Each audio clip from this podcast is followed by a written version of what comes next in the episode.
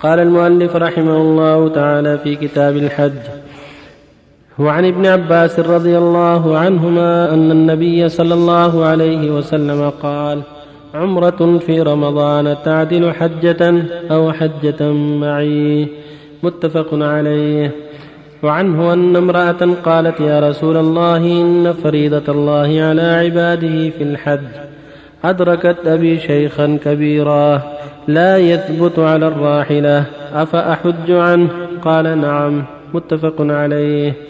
وعن لقيط بن عامر رضي الله عنه أنه أتى النبي صلى الله عليه وسلم فقال إن أبي شيخ كبير لا يستطيع الحج ولا العمرة ولا الضعن قال حج عن أبيك واعتمر.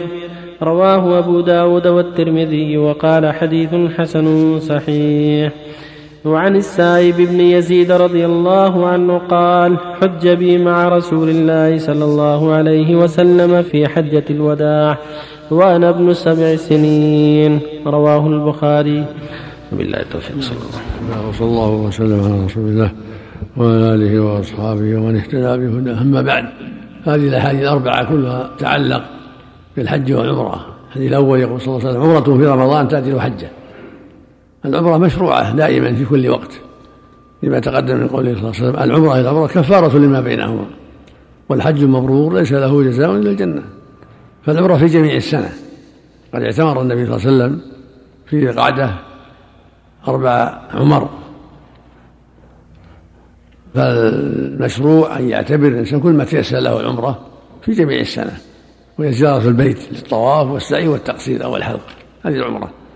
زيارة البيت الشريف بيت العتيق مكة ليطوف ويسعى يطوف بالكعبة ويسعى أصنام المروة ثم يقصر أو يحلق. هذه العمرة. وهي في رمضان تعدل حجة. وفي رواية حجة معي عليه الصلاة والسلام. دل على فضلها في رمضان وأن لها مزية خصوصية. في الحديث الثاني والثالث دلالة على أن الشيخ الكبير والعجز الكبير يحج عنهما. إذا كان الرجل كبير لا يستطيع الحج أو العجوز كبيرة حج عنهما ابنهما أو بنتهما. ولهذا قالت امرأة يا رسول الله إن أبي شيء كبير لا يستطيع الحج ولا أفأحج عنه قال حج عن أبيك. وهكذا حديث أبي رزيل العقيلي قال حج عن أبيك واعتمر. لأن لا يستطيع الحج ولا الضعن لا يستطيع الضعن ولا الرحل ولا يثبت على الراحلة.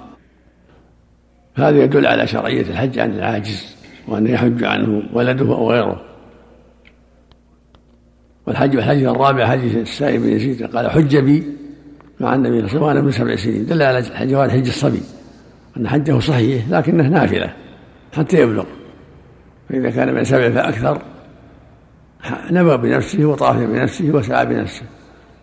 وإذا كان دون ذلك حج به طاف به وليه وسعى به وليه يكون الحج نافلة. فإذا بلغ وجب عليه حج حجة الإسلام بعد البلوغ إذا استطاع. وهكذا العبد حجه نافلة إذا عتق حج حجة الإسلام. وفق الله الجميع تقسيم الصلاة في التراويح والقيام. هل جاء عن السلف؟ ما أخبر في هذا شيء أو ما أخبر في هذا شيء منصوص أو ما أعلم شيء منصوص في هذا. لكن واسع الأمر واسع إذا خفف بعضها وطول بعضها الأمر واسع الله ليلة 27 بالعمرة لأنه يتحرى فيها ليلة القدر خاص الأوتار لعله يوافق ليلة القدر وليلة العشر والعشرين أرجاها والعمل فيها أكثر أفضل من من ألف شهر فيما سواها. أحسن الله إليك العمرة في رمضان مرتين أو أكثر. ما في بأس. ما في حرج. ولا غير رمضان. يقول النبي صلى الله عليه وسلم العمرة العمرة كفارة لما بينها ما في حد محدود.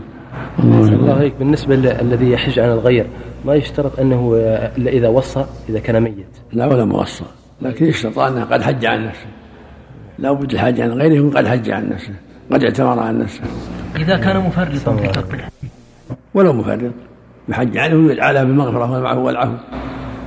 أحسن الله آه الركعتين بين صلاة العشاء وبين صلاة التراويح. هل أفضل الإنسان يسبح في تلك اللحظة ولا أفضل أن يصلي الركعتين هذه؟ سنة العشاء سنة العشاء أول قبل التراويح. التهجد التهجد بعد بعد النافلة بعد نافلة العشاء بعد الراتبة. يصلي العشاء ثم الراتبة ثم يتهجد بالليل التراويح وغيره. السؤال هل أفضل يسبح ولا يقوم ما يعدي هذه الركعة ركعتين؟ بعد التسبيح بعد التسبيح. بعد ما بعد ما يفرغ من الأذكار يصلي الراتبة. هذه السنة. السنة أول يأتي بالأذكار الشرعية ثم يصلي الراتبة. حتى وإن لم يدركه إذا تقدم الإمام وصلى التراويح أحسن الله عليك. آه، الإمام هو يتقدم بعد ما يصلي الناس. الناس يصلون النافلة يصلون النافلة ويسنون وإذا قدم وصلى تسليم الأبنية الراتبة ما في بأس. قول. إن الله ينظر بعين الرحمة. إيش حكمه يا شيخ؟ ربنا رحيم جواد كريم سبحانه وتعالى. يرحم من يشاء ويعاقب من يشاء جل وعلا. فهو يرحم المستحق للرحمة ويعاقب المستحق للعقاب. بالنسبة للدعاء هل في مانع الإنسان يقول اللهم إني لا أسألك رد القضاء ولكني أسألك اللطف؟ لا يسأله الخير ويعوذ من الشر. ما له أصلها الدعاء هذا. يسأل ربه الخير ويتعوذ به من الشر. يسأل الله خير ما علم وخير ما قدر ويعوذ بالله من شر كل شيء. اللهم من خير كله عاجله ومن شر كله عاجله واجله كله تعوذ من الشر يسأل الله الخير. هل صحيح أن رابعه العدوية قالت إني آه، أعبد الله محبه لذاته لا رجاء في جنته ولا خوفا من ناره؟ يقال يحكى عن هذا وهذا من جهلها إن صح عنها فإنها جهل. الرسل والانبياء عبدوا الله خافوا من عذابه ورجوا رحمته وهم الرسل عليهم الصلاة والسلام. لكن لو صح عنها فليدل على جهلها انها عابدة جاهلة. نعم. إن الله يقول عن الرسل والأنبياء والأخيار إنهم كانوا يسارعون خيرا ويدعون رغبا ورهبا. ويقول سبحانه ولمن خاف مقام ربه جنتان ويقول فمن كان يرجو لقاء ربه فليعمل عملا صالحا ولا يشرك بعبادة ربه أحدا قال تعالى أولئك ليدعون يبتغون إلى ربهم وسيهم أقرب ويرجو رحمته ويخافون عذابه. هكذا أولياء الله من الرسل والأخيار. يعبدونه خلاصا له ومحبة ورجاء وخوفا جميعا. اللي ما يخاف الله لا خير فيه لا دين له. نسأل الله جزاك الله. خير الله رجل أتى من الكويت وزار المدينة وأحرم من ميقات المدينة. وكان هذا قبل رمضان يريد أن يعتمر في رمضان.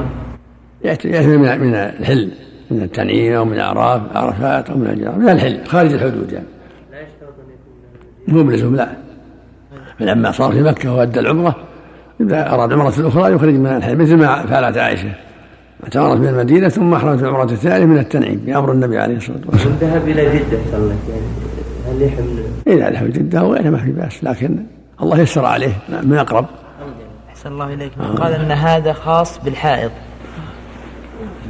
من كيسه إذا قال من كيسه كان ساكن الناس كيس الناس طاع. وما آتاكم الرسول فخذوه. وما نهاكم عنه.